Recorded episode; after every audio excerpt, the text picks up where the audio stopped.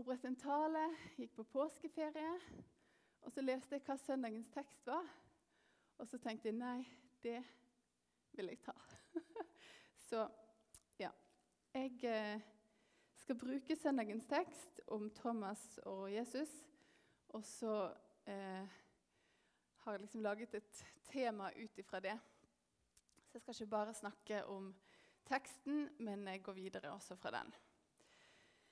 Um, vi kan be først sammen. Herre, takk for at du er her. Takk for at uh, vi får leve i deg. Må du tale til oss uh, og møte oss der som vi er. Amen. Vi leser da fra Johannes 20, 24-29. Og teksten kommer ikke på skjermen, så dere får bare høre. Eh, Thomas, en av de tolv, han som ble kalt Tvillingen, var ikke sammen med de andre disiplene da Jesus kom. 'Vi har sett Herren', sa de.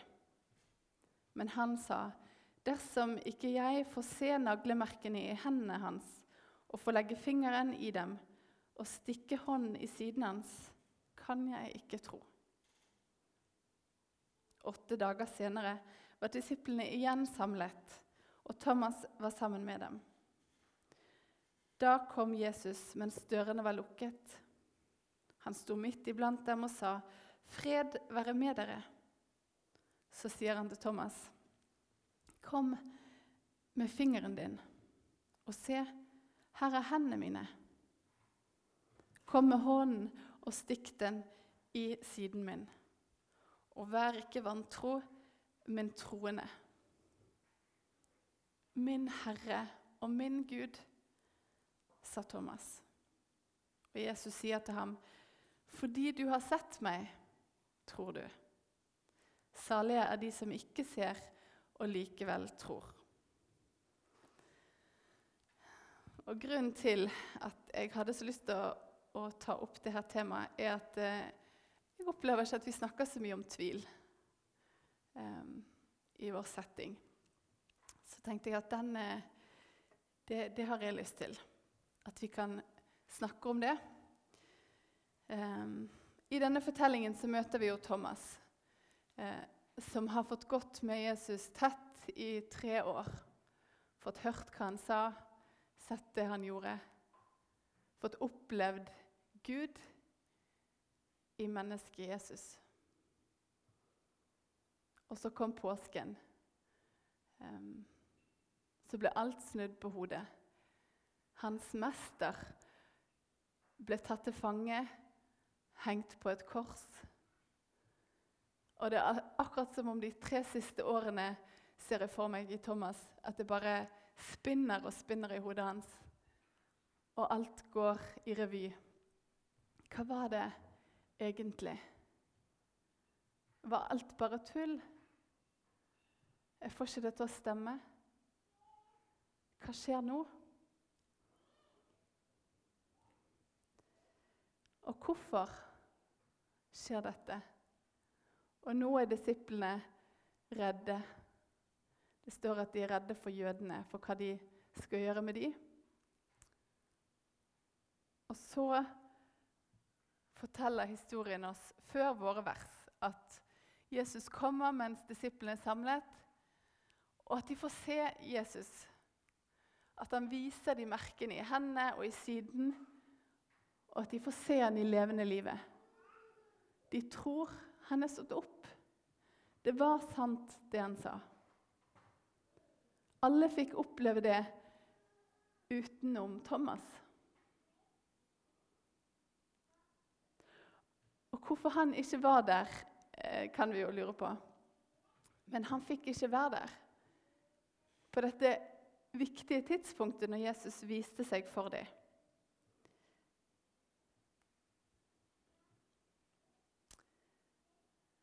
Han fikk kun høre at disiplene fortalte det. Vi har sett Herren. Og jeg vet ikke om hva som egentlig var vanskeligst for Thomas om det var at han ikke klarte å tro At han ikke fikk det til å henge sammen. Eller om han også følte seg utelatt. Utenfor fordi han ikke var der på det viktige tidspunktet. Kanskje det var en blanding. Uansett, hans svar blir 'Jeg klarer ikke å tro. Jeg kan ikke tro.' Ikke før jeg får sett det sjøl, får oppleve det. Og Thomas deler sin tvil med vennene sine. Og jeg mener at eh, altså, Thomas kunne jo valgt å trekke seg vekk. Tenkt at ok, dette takler jeg ikke, jeg finner noen andre venner. Han kunne òg valgt å eh, bare spilt med, sagt de riktige ordene, men latt hjertet henge igjen. Ofte så syns jeg at Thomas har et ganske ufortjent dårlig rykte. Den av disiplene som ikke klarte å tro. Men Thomas ønsket jo ingenting annet enn det de andre disiplene fikk oppleve. Se merkene. Få se det med sine egne øyne. Hva hadde du gjort hvis du var Thomas? Hadde du syntes at det var lett å tro hvis disiplene fortalte deg at de hadde sett han, men ikke du? Åtte dager seinere leser vi at han eh, får sitt ønske oppfylt. Han fikk se Jesus. Og han fikk se han akkurat som han ønsket. Kom med hånden din. Se merkene. Kom med fingeren. Stikk hånden i siden og tro. Og Når jeg leser disse versene, så er det akkurat som om Jesus kommer kun for Thomas. Han gjør jo akkurat det samme som han gjorde for åtte dager siden. Og Det er liksom som å høre den historien om gjeteren og sauene. Som han hadde, Gjeteren hadde 100 sauer, og den ene hadde gått seg vill. Og så kommer Jesus til den ene akkurat der og akkurat sånn som han trengte det. Og da faller alt på plass hos Thomas. Og så får han lov til å si 'Min Herre og min Gud'.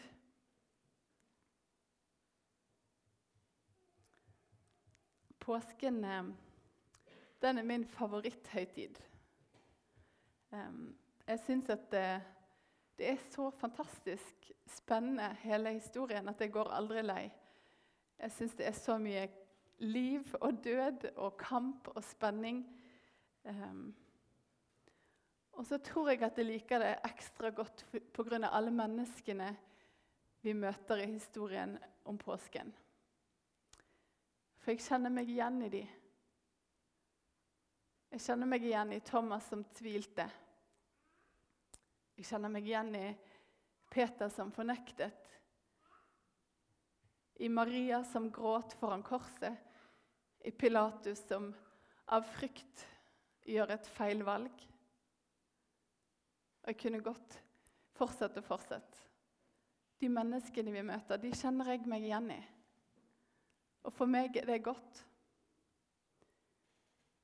Og ikke minst kjenner jeg meg igjen i Barabas, som står der sånn helt med livet i hånden, helt ufortjent. Ja, men det var jo meg som hadde gjort noe feil. Nå er det du som henger der. Og jeg som har fått livet helt ufortjent.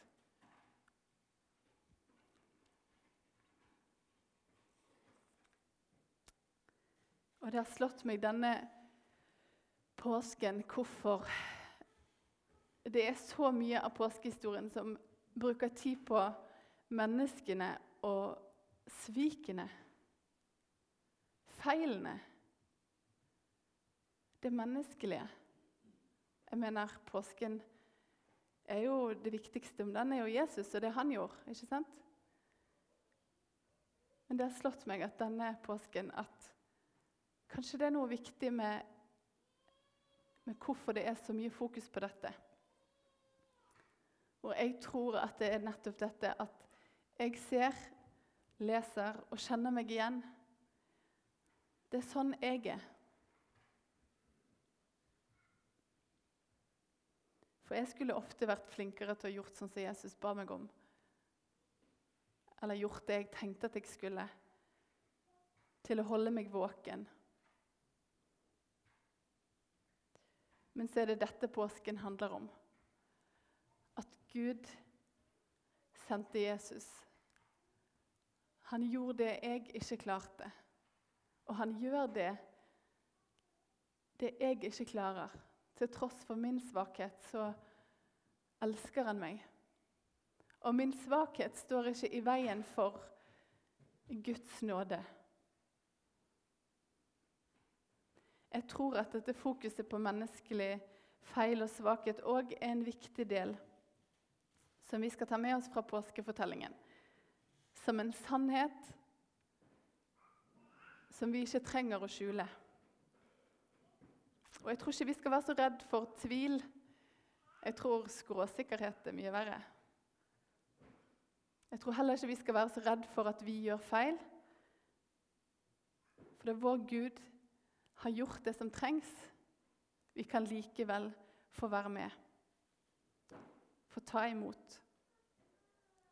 Og jeg tror at vi må våge å tale ærlig om sånn som livene våre ser ut. Om våre feil, om vår svakhet. Om det er tvil, eller om det er svik, om det er kamp eller vanskeligheter, så må vi våge å være ærlige.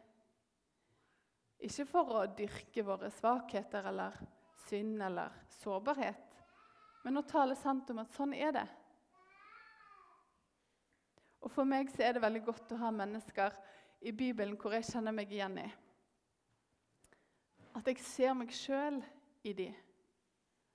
For når jeg leser eh, Paulus sine formaninger til oss, så er det ikke alltid like lett å sette meg sjøl inn i det. Ofte fordi at jeg ikke strekker til. Og det gjør ikke det feil.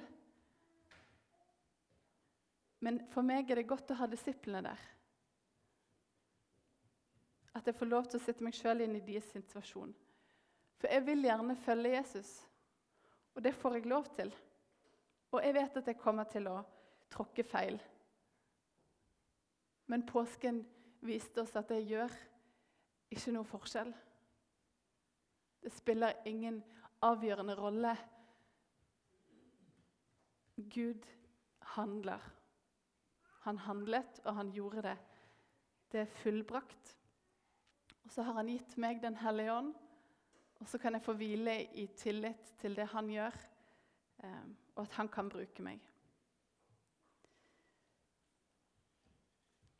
Jeg tror at det, eh, dette med svakhet og sårbarhet at det er litt sånn kanskje litt sånn ekkelt. Jeg vet ikke om dere kjenner på det når jeg liksom står her og prater om det. Eh, at vi liker det ikke helt. Eller? Jeg gjør i hvert fall ikke det. De som kjenner meg, kan ikke si at jeg kanskje er det beste eksempelet på å på en måte våge å være ærlig og svak. Og så står jeg likevel her og snakker om det. Men, men eh, jeg tror at det er en illusjon, da. At de, de følelsene eller den den svakheten hos meg at jeg, eh, jeg, går rundt og tenker at det er sikkert bare meg som kjenner det sånn som dette her. Eh, det er sikkert bare meg som er ensom. Det er sikkert bare meg som sliter med det her. Derfor vil ikke jeg snakke om det, kanskje.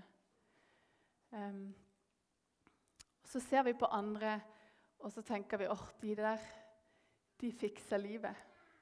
For de deler kanskje det som småbarnsforeldre så tar vi gjerne liksom et bilde av ungene våre i de to sekundene av harmoni før eh, kampen bare bryter løs.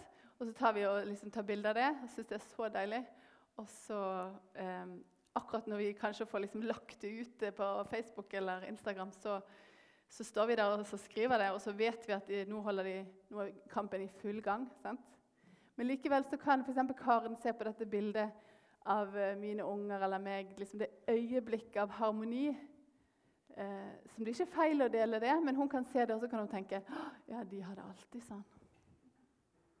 Sant? Så veloppdragne og fine unger. liksom, eh, og så er jo det, Når jeg sier det høyt, så kan vi jo liksom le av det, og sånn, men eh, vi vet jo bedre. Men så likevel så lar vi sånne ting på en måte påvirke oss. sant? Eh, og, og, vi har denne her løgntanken om at sånn er det sikkert. sant? Det er bare meg som sliter med eh, dette, eller sånn. Eh, og sånn kan det være i menigheten vår også. At vi kan høre om bønnesvar eller om opplevelser med Gud, og så kan vi tenke sånn åh, de der, liksom. De har alle ting på stell. De får sikkert svar hver eneste gang de ber. Sant? Og så sant, igjen, Når jeg sier det høyt, så, så, forstår vi at det er feil. Kanskje. Um, men vi lar det likevel lure oss.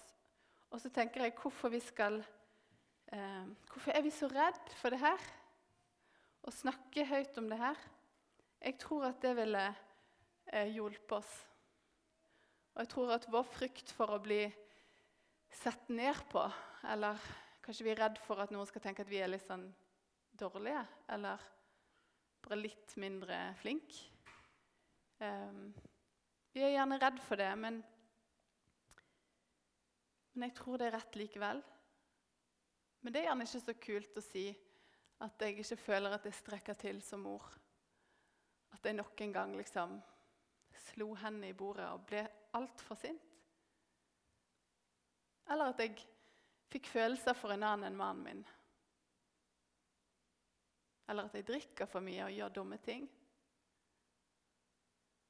Eller at, jeg har tatt ting som ikke er mitt. Ikke ærlig med pengene mine. Jeg kunne fortsatt. Det er ikke så kult å si. Um, men ville det sjokkert deg?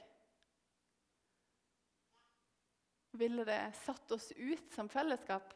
Ikke helt vet visst hvordan vi skulle takle det.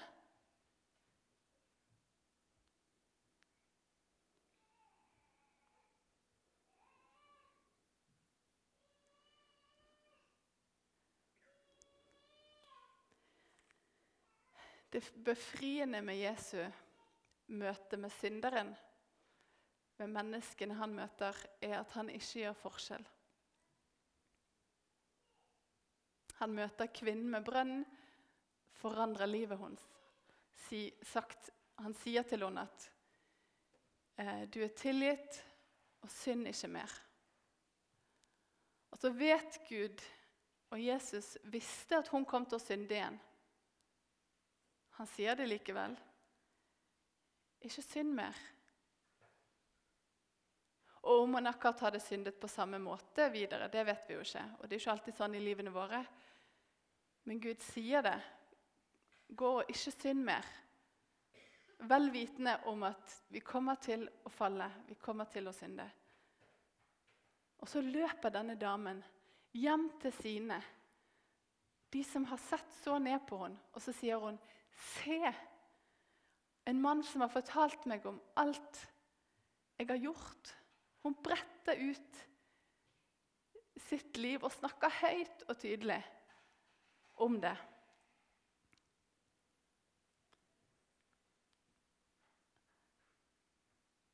Vi Ja, nå har jeg liksom ikke glemt å vise det her, da. Um, det er ikke så farlig. Vi er et fellesskap av syndere. Vi kommer til å gå feil vei. Vi kommer til å synde. Og Det bør ikke overraske oss. Og fellesskapet vårt bør forvente det, og vi bør tåle det. Og hvis ikke vi opplever det, så er det kanskje noe galt. For vi er mennesker. Og vi bør stå klar for hverandre eh, for å ta imot hverandre når vi trår feil. Og så bør vi stille oss sammen foran Jesus og, sagt, og sammen si unnskyld, vi ber om tilgivelse. Jeg vet at dette er galt. Og så kan vi sammen oppleve at Gud tilgir. Så kan vi gå videre. Jeg har lest en bok eh, både før og, og nå av Jan Rettedal. Eh, den heter 'Som en av oss'. handler om Jesus-skikkelser, som han kaller det. Og Jeg skal lese et lite utdrag fra det om våre fellesskap. da. og dette. Vi kalles til å avvikle den åndelige liksom-leken og stå fram som den vi er, på godt og vondt. Og ingen av oss er tjent med at vi spiller fromme roller overfor hverandre eller blåser oss opp til et åndelig nivå som vi ikke hører hjemme på. Vi må slutte med den åndelige liksom-leken. Den likte jeg kjempegodt. Altså. Kan godt være ikke alle gjorde det, men, men jeg gjorde det. Eh, og Derfor har jeg kalt talen min 'Jakten på ærligheten'. Eh, fordi at jeg mener vi må jakte på ærlighet hos hverandre og i oss sjøl. Vi må våge å snakke om vår synd og de gangene vi trår feil. Ikke kun til Gud, men til hverandre. For jeg tror ikke vi finner kjærligheten med stor K om ikke vi våger ærligheten. Og så lurer du kanskje på hvorfor. Hvorfor skal vi gjøre det her? Det er jo veldig behagelig å bare la være. Um, for det første så tenker jeg at uh, Bibelen sier at vi skal det. Um, det er jo en uh, meget god grunn. Vi kan lese i Jakobs brev uh, så står det 'Bekjenn syndene for hverandre og be for hverandre', slik at dere kan bli helbredet. Det står òg om vår svakhet, og at det er gjennom vår svakhet at Gud skal vise sin styrke. Og i Korintene, 1. Korintene 12,9 så står det 'Min nåde er nok for deg, for kraften fullendes i svakhet'. Og derfor vil jeg rose meg Derfor vil jeg rose meg av min svakhet, for at Kristi kraft kan ta bolig i meg. Det står òg i Romerne at vi skal ta imot de som er svake i troen, uten å gjøre oss til dommere over hans tanker. Er det ofte vi gjør? Vi skal ta imot de som er svake i troen, uten å gjøre oss til dommere over hans tanker. Det er den første grunnen. Og den den kunne, det kunne stått alene. Eh, men den andre grunnen som jeg vil trekke frem, er at eh, for meg er det et paradoks at folk som ikke deler min tro, som jeg møter, de har et bilde av oss kristne som så perfekte. ikke det er rart? Vi er så gode. Vi gjør så mye rett. For meg er det et paradoks. De kan komme inn her, og så kan de kjenne seg at de ikke kjenner seg igjen. De føler seg fordømt i våre fellesskap. Og det tenker jeg at er noe vi må prøve å gjøre noe med. Vi må prøve å ta inn over oss det på alvor. Det er ikke sånn det skal være. For menneskesønnen er kommet for å søke og frelse det som var fortapt. Han kom ikke til oss som takler alt og fikser livet. Han kom for å søke og frelse det som var fortapt. Jeg har lyst til å dele noen ord eh, av Trygve Skau som han eh, la ut sammen med Frelsesarmeen på skjærtorsdag. Skjærtorsdag så tok han hjertet mitt like etter måltidet. Takket, velsignet hjertet og sa dette er mitt hjerte, som skal banke og brenne for alle som ikke trodde at det var plass til dem rundt bordet her. Kom, for alt er ferdig.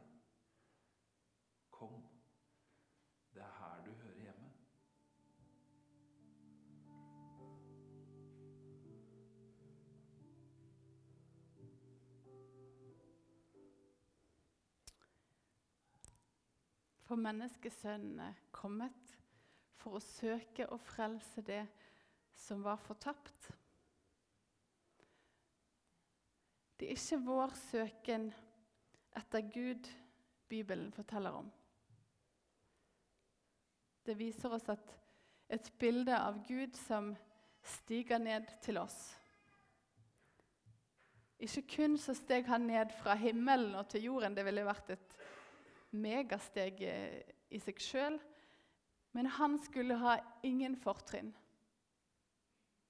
Han ble født som et Eller han, ble, han kom inn i denne verden som et foster.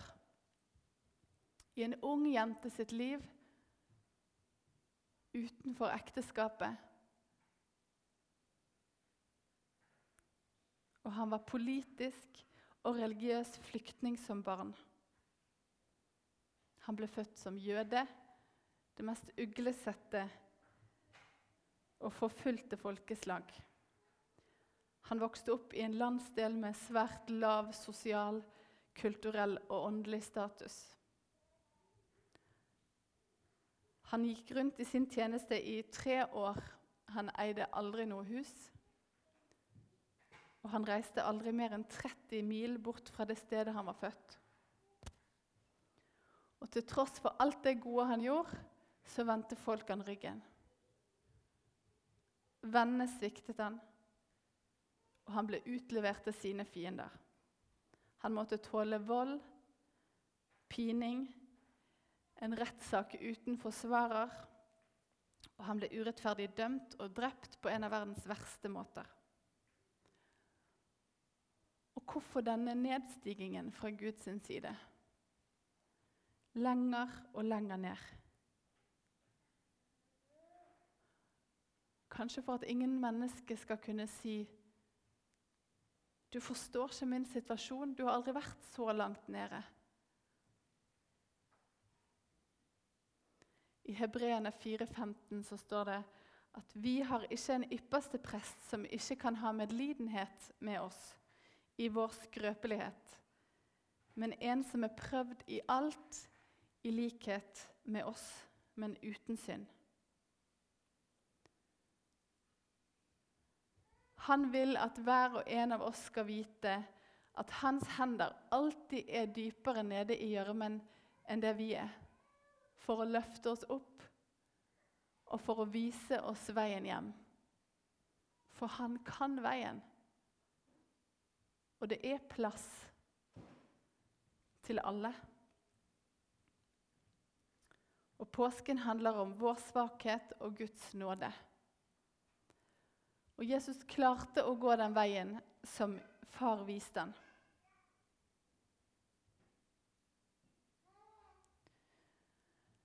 så kjenner vi til historien godt. Um, jeg har lyst til å trekke frem eh, to beger i forhold til påskehistorien.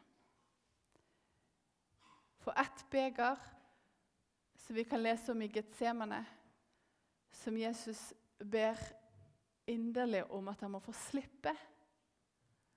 Det er en sånn kamp og en sånn intenshet i de versene og han blør. Han svetter blod, står det. Og hva er denne kampen? Hva er dette begeret? Jo, I lys av Gamle testamentet så kan vi si at dette er det som står om som Guds vrede over vår synd.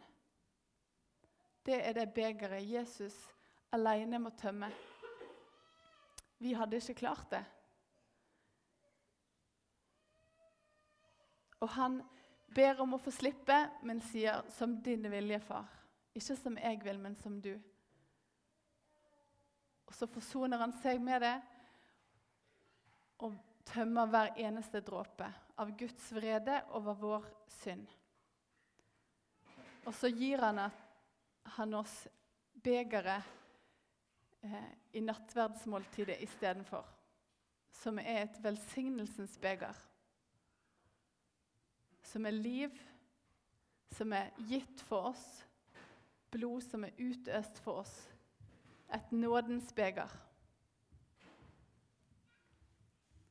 Det er, det er da Svein Anton ville sagt at det er et grunn for halleluja. Jeg måtte bare. Um,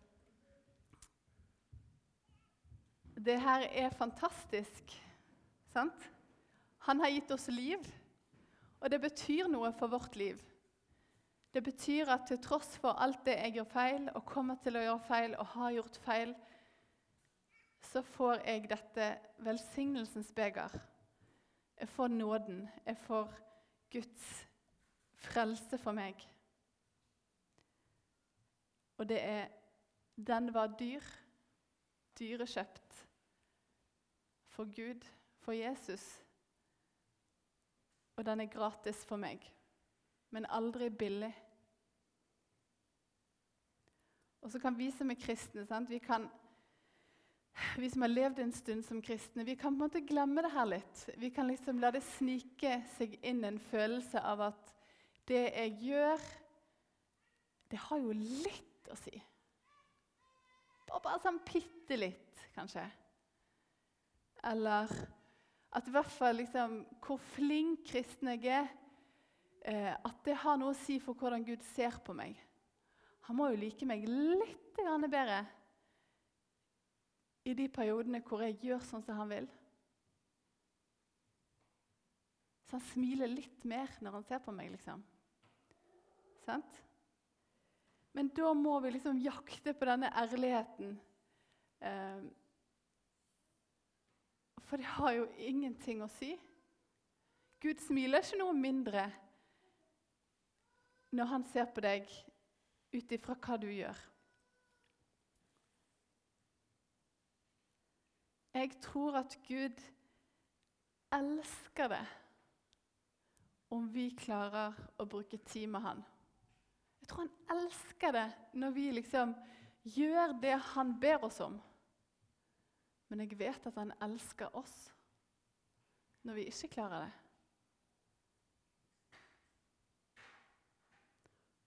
Og vi må ikke overvurdere vår egen rolle i Guds plan. Han har lyst til å bruke oss. Sant? Ikke vær i tvil om det. Han sier 'bli med'. Men uavhengig av hvor store gjerninger du får være med på av det Gud gjør, uansett hvor store ting du får se, så er vår stand den samme. Og når jeg ber for noen når de blir friske, så må jeg jakte på ærligheten med at dette var Gud, og jeg får være med.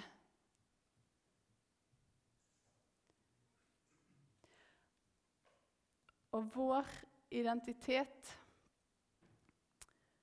eh, i Kristus, i det påsken forteller oss, er at vi som tror, vi er allerede gravlagt. Vi er allerede stått opp. Um, og dette gjelder ikke kun når vi dør. Dette gjelder nå. Det evige livet ditt det er allerede startet. Og sånn teologisk språk så sier man liksom at Guds rike er allerede, men ennå ikke. Sånn, denne, Guds rike er allerede fordi det er allerede kommet, for Jesus kom, og han fullførte alt det som var Guds frelsesplan. Og så enda ikke fordi at det skal åpenbares fullt og helt med tidens ende. Men meg og deg, vi er satt inn i en fantastisk posisjon. Vi er fri, og vi er tilgitt, og vi har evig liv. Og vi har det av det Jesus gjorde.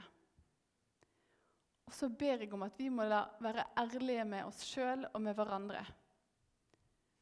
Og folk rundt oss, og ikke minst de som ikke tror.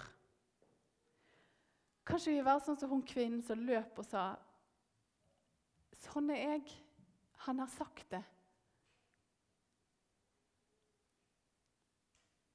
La oss vise at vi òg er svake, at vi òg trenger Guds nåde, som vi snakker om. Sånn at menneskene rundt oss som jakter på kjærligheten med stor K, kan finne den i våre liv, kan få svar, kan kjenne seg igjen i oss sånn som jeg kjenner meg igjen i disiplene. Sånn at vi kan vise dem at dette handler ikke om oss. Kristendommen handler ikke om at vi fikser ting. Vi kommer til å gå på trynet. Men vi vet at nåden holder. Nåden holder.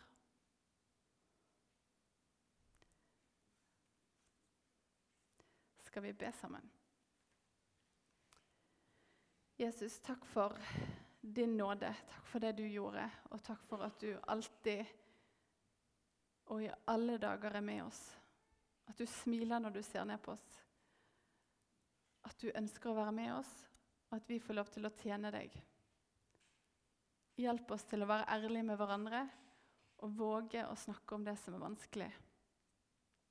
Våge å si når vi har trådt feil. Sånn at din nåde kan få plass i oss. Sånn at din nåde kan vise andre mennesker rundt oss at det er din gjerning i oss. Takk for at vi hører hjemme hos deg.